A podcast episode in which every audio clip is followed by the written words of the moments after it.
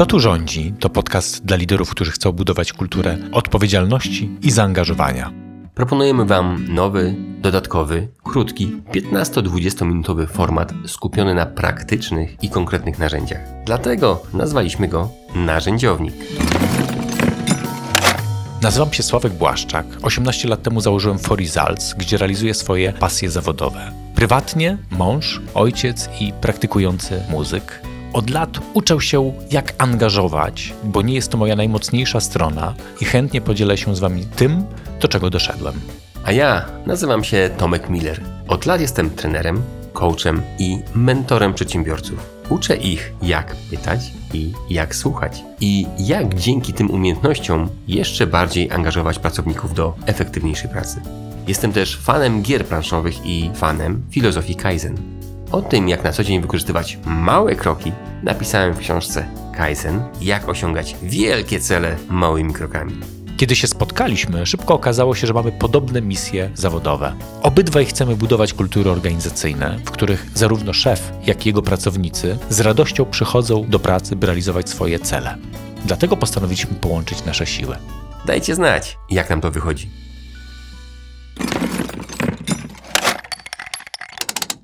Cześć. Dziś chcielibyśmy przedstawić Wam jedno z narzędzi, które podpowiedział David Marquette w książce Zmień kurs. Słyszałem, że jest to niesamowite narzędzie, które każdy lider może u siebie wprowadzić. To narzędzie nazywa się drabiną liderską. Sławku, ponoć uczysz, jak ją wykorzystywać w praktyce. Tak, to prawda. Mhm. Można powiedzieć, że jest taki prosty schemat, który David zaproponował. Od niego można sobie tworzyć różne warianty, ale najważniejsza jest idea, czyli jak czynić innych odpowiedzialnych za to, co robią, gdy są bliżej informacji. Mhm. Sławku, drabina zawsze się kojarzy z drabiną malarską, ale prawdopodobnie to jest zupełnie coś innego.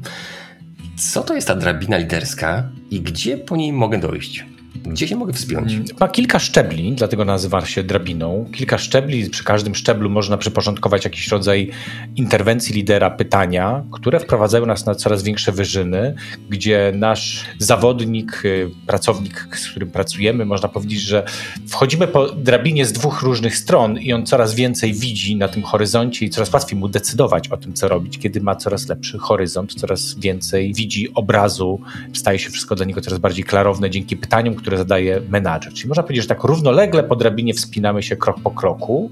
Dlaczego drabina też? David mówi, że te najwyższe stopnie są być może najbardziej atrakcyjne, ale bywają też czasami ryzykowne, więc żeby tam się dobrze nad nimi zastanowić, zaraz to poczujecie o co chodzi, kiedy dotkniemy najwyższych szczebli drabiny. Okej, okay, czyli rozumiem, że to ta drabina powoduje to, że pracownik wchodzi na wyższy stopień świadomości o pewnym problemie i dzięki temu łatwiej podejmuje decyzje, łatwiej je rozwiązuje, tak? Dobrze to mówię?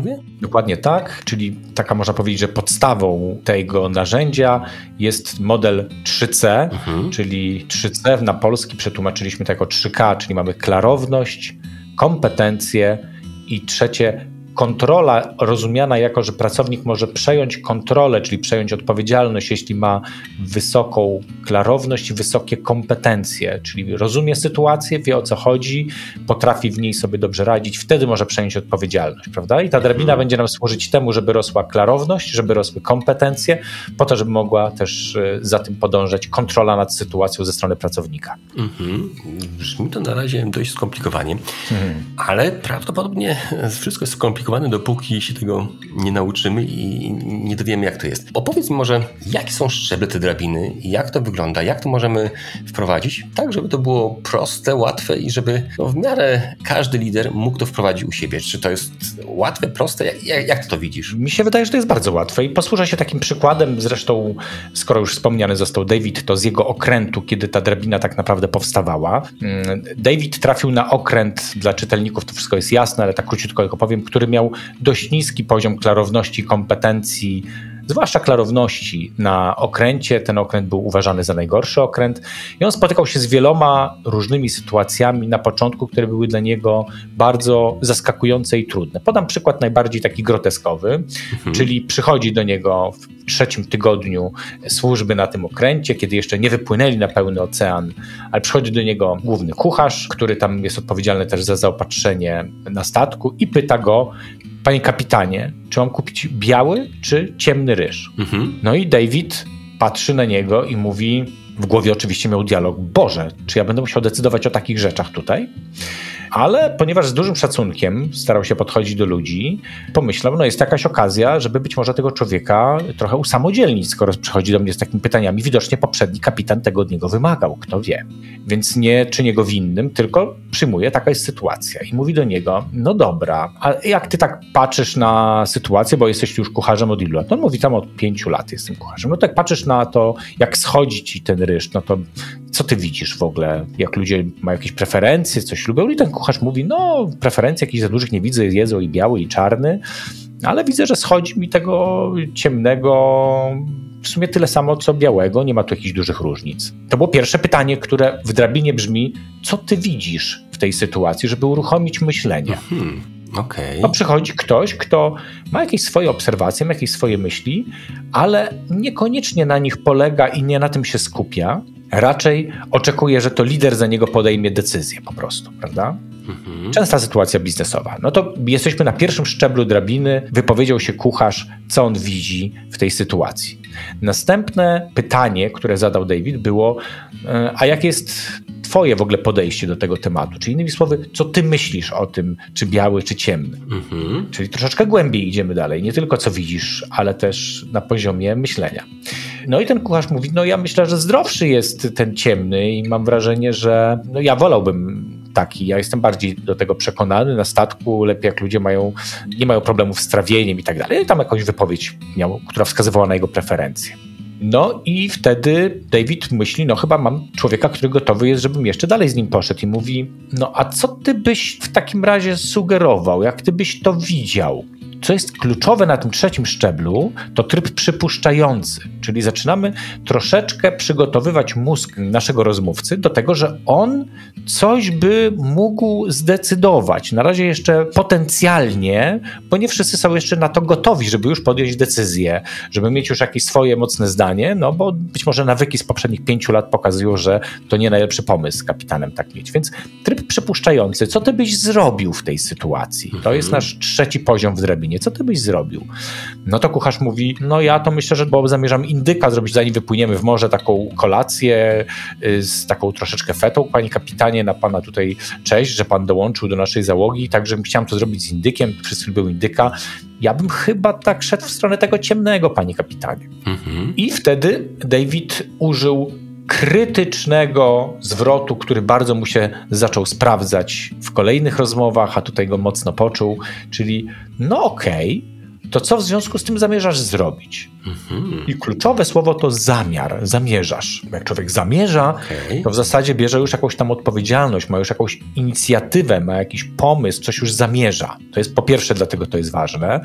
Po drugie, jak ktoś zamierza, jeszcze tego nie zrobił, to można jakoś na to wpłynąć, to można jeszcze jakoś zmienić ten zamiar kogoś, a po drugie, można się jakoś do tego przygotować, albo można powiedzieć, że inni coś już podjęli jakieś działania i że może to też trzeba uwzględnić w tym twoim zamiarze. Czyli zamiar z jednej strony wskazuje na duże już przejęcie inicjatywy i odpowiedzialności, a z drugiej strony jeszcze zawsze jest jakieś miejsce, żebyśmy mogli się do tego przygotować, coś uzupełnić, coś zrobić, żeby to dobrze poszło. Mhm. mhm. I to jest taki kluczowy moment naszej drabiny. To co zamierzasz zrobić? Kucharz mówi, panie kapitanie, no wygląda na to, że trzeba kupić więcej tego ciemnego i tyle, nie ma co kombinować. Mhm. I ta rozmowa się tu zamknęła, tu się skończyła, choć są jeszcze dwa poziomy wyżej w tej drabinie. Wiesz co, to ja tak chciałbym uporządkować. To rozumiem, że ta drabina służy do tego, żeby usamodzielnić pracownika. Dokładnie tak. Żeby poprowadzić go pewnym tokiem myślenia, ale poprowadzić jego, a nie wydawać decyzje samodzielnie, tak? Tak. I żeby to był taki etap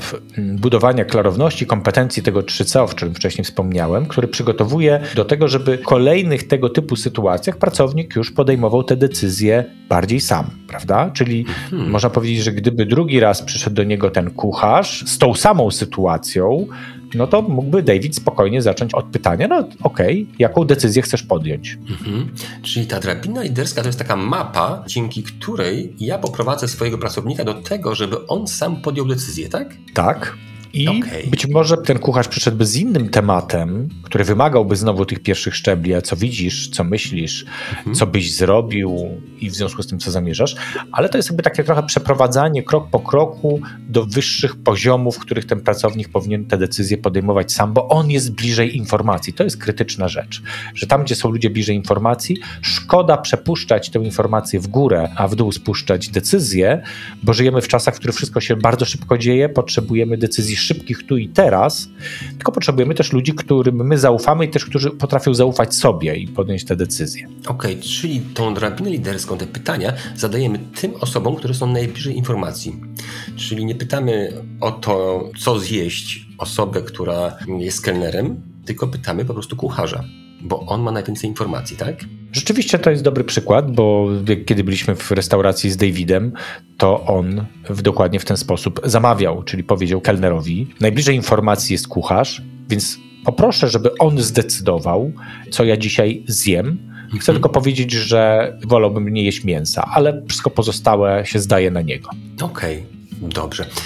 To już mamy ten jeden obszar, czyli pytamy się osoby, która jest najbliżej informacji według pewnego klucza. I ten klucz polega na tym, że pierwsze jak gdyby pytanie to jest, co ty widzisz, tak? Drugie jest, co myślisz o tym? Trzecie, co byś zrobił, co sugerujesz? I czwarte pytanie to jest, co zamierzasz zrobić, tak? Dokładnie tak. Okej. Okay. Powiedziałeś o dwóch kolejnych. Co są te dwa kolejne pytania? Dwa kolejne pytania są następujące.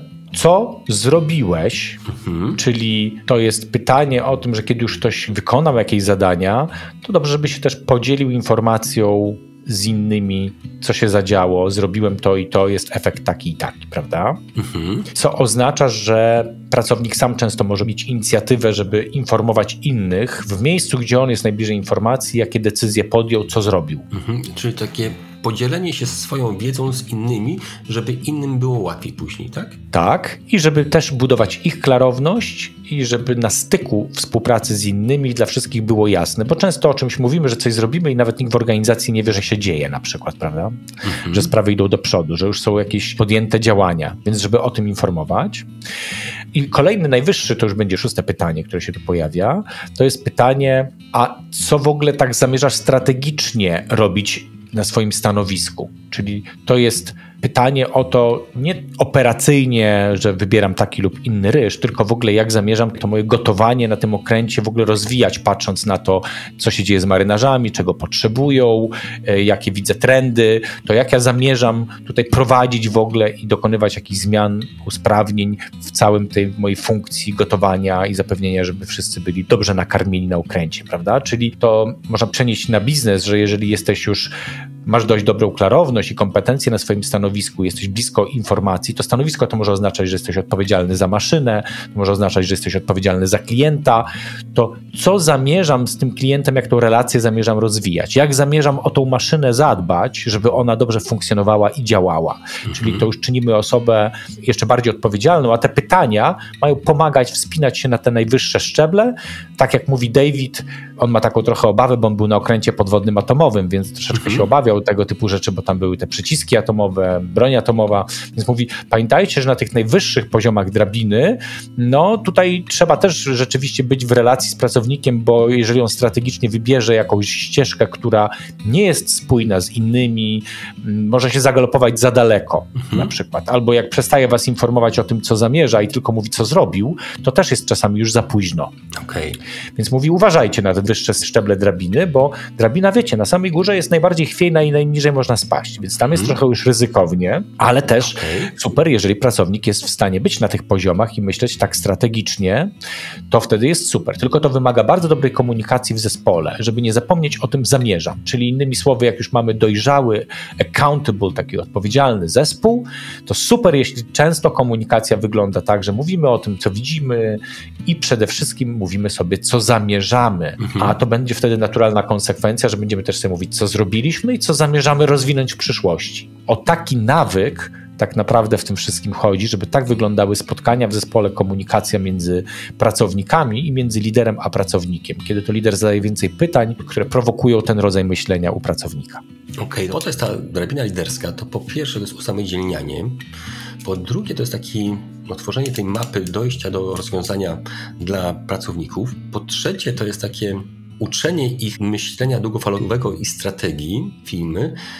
Po czwarte, to jest też takie um, uczenie klarowności w zespole tego, co robimy, jak robimy, żeby uczyć się nawzajem i żeby ta informacja przychodziła jak najszybciej i jak najsprawniej. Czy coś jeszcze? Hmm, myślę, że to są bardzo dobre efekty. Ja też jak popatrzę w naszym zespole, jak stosujemy ten rodzaj komunikacji na spotkaniach cotygodniowych zespołowych i zadajemy sobie pytania, co widzimy na swoich sonarach, co każdy z nas widzi, mhm. prawda? To potem naturalne jest, że jeżeli ludzie mówią, a tak robią, pracownicy co zamierzają zrobić, to często dochodzi między nimi do interakcji. Mówią, aha, ale to weź jeszcze pod uwagę to. O, to dobrze, że mówisz, bo ja potrzebuję w takim razie zrobić wcześniej to i to.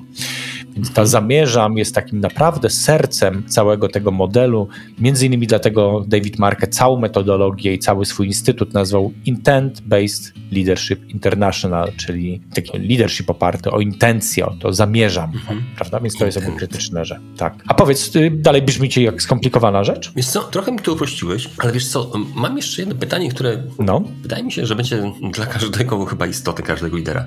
Przecież to strasznie dużo trwa. Jak ja mam powiedzieć, co ma zrobić, to ten ryż, ten kucharz kupi w 5 minut.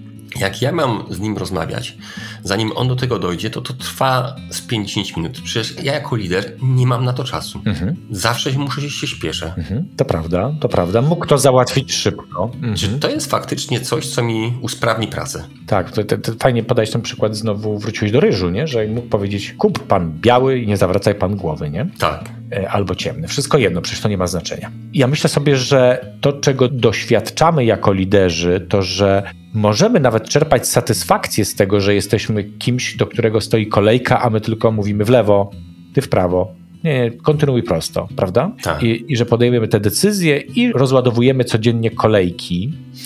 I oczywiście to bywa szybkie, ale na dłuższą metę no, ma wiele za sobą ryzyk. Po pierwsze, ludzie nie mają poczucia takiego dużego sensu często w pracy, bo te decyzje, kiedy my jesteśmy dalej o informacji, nie zawsze są najlepsze, więc czasem ich to frustruje. Po drugie, no, nie czują się ważni w tej organizacji, więc są mniej zaangażowani, więc w innych tematach nie wykażą nam inicjatywy, więc w sytuacji, kiedy coś się zmienia w biznesie, oni jakby czekają na to, aż lider zdecyduje, co może oznaczać, że przegapią jako organizacja wiele ważnych decyzji, wiele ważnych momentów, czyli innymi słowy, zmniejszą swoje szanse na przeżycie jako organizacja. Po drugie, ty jako lider jesteś zaganiany w tej kolejce, nie masz na nic czasu i często tematy, gdzie ty jesteś bliżej informacji, gdzie powinieneś ty decydować, są zaniedbane, bo nie masz czasu, po prostu bieżączką jesteś przysypany i twoimi tematami bardziej strategicznymi się nie możesz zająć. Więc ja to traktuję jako jedyną drogę dla liderów, którzy chcą rozwijać biznes i działać szybko i odpowiadać na zmiany, które są na rynku na czas mhm. i dzięki temu nie tylko przeżyć, ale też się rozwijać. To tak jeszcze może na swój język to przetłumaczę. To wydaje mi się, że taką podstawową zaletą jest to, że to jest taka, owszem, trochę więcej czasu mi to zajmie, żebym go pracownika dopytał, ale dzięki temu to jest taka moja inwestycja w to, żeby on się bardziej zaangażował i żeby później wszystkie procesy na moim okręcie, mojej firmie przebiegały dużo szybciej i sprawniej, tak? Tak, jest to rzeczywiście trening takiej sprawności dla całego zespołu i też takie budowanie relacji partnerskiej, w której ja występuję na równi bardziej z tym pracownikiem, a nie jako ten, jak rodzic do dziecka, który mu mówi konkretnie, co masz zawsze zrobić i przejmuje odpowiedzialność nadmiarową za innych. Okej. Okay. Sławku, dziękuję Ci za wyjaśnienie. Mam nadzieję, że nasi słuchacze też coś z tego wyniosą i przynajmniej spróbują we własnej firmie, może raz, może dwa, a może im się to przyjmie na stałe, żeby przetestowali tą drabinę liderską i sprawdzili, czy faktycznie daje im efekty. Sławku, dziękuję za rozmowę. Do zobaczenia, do usłyszenia. Dzięki Tomku, hej.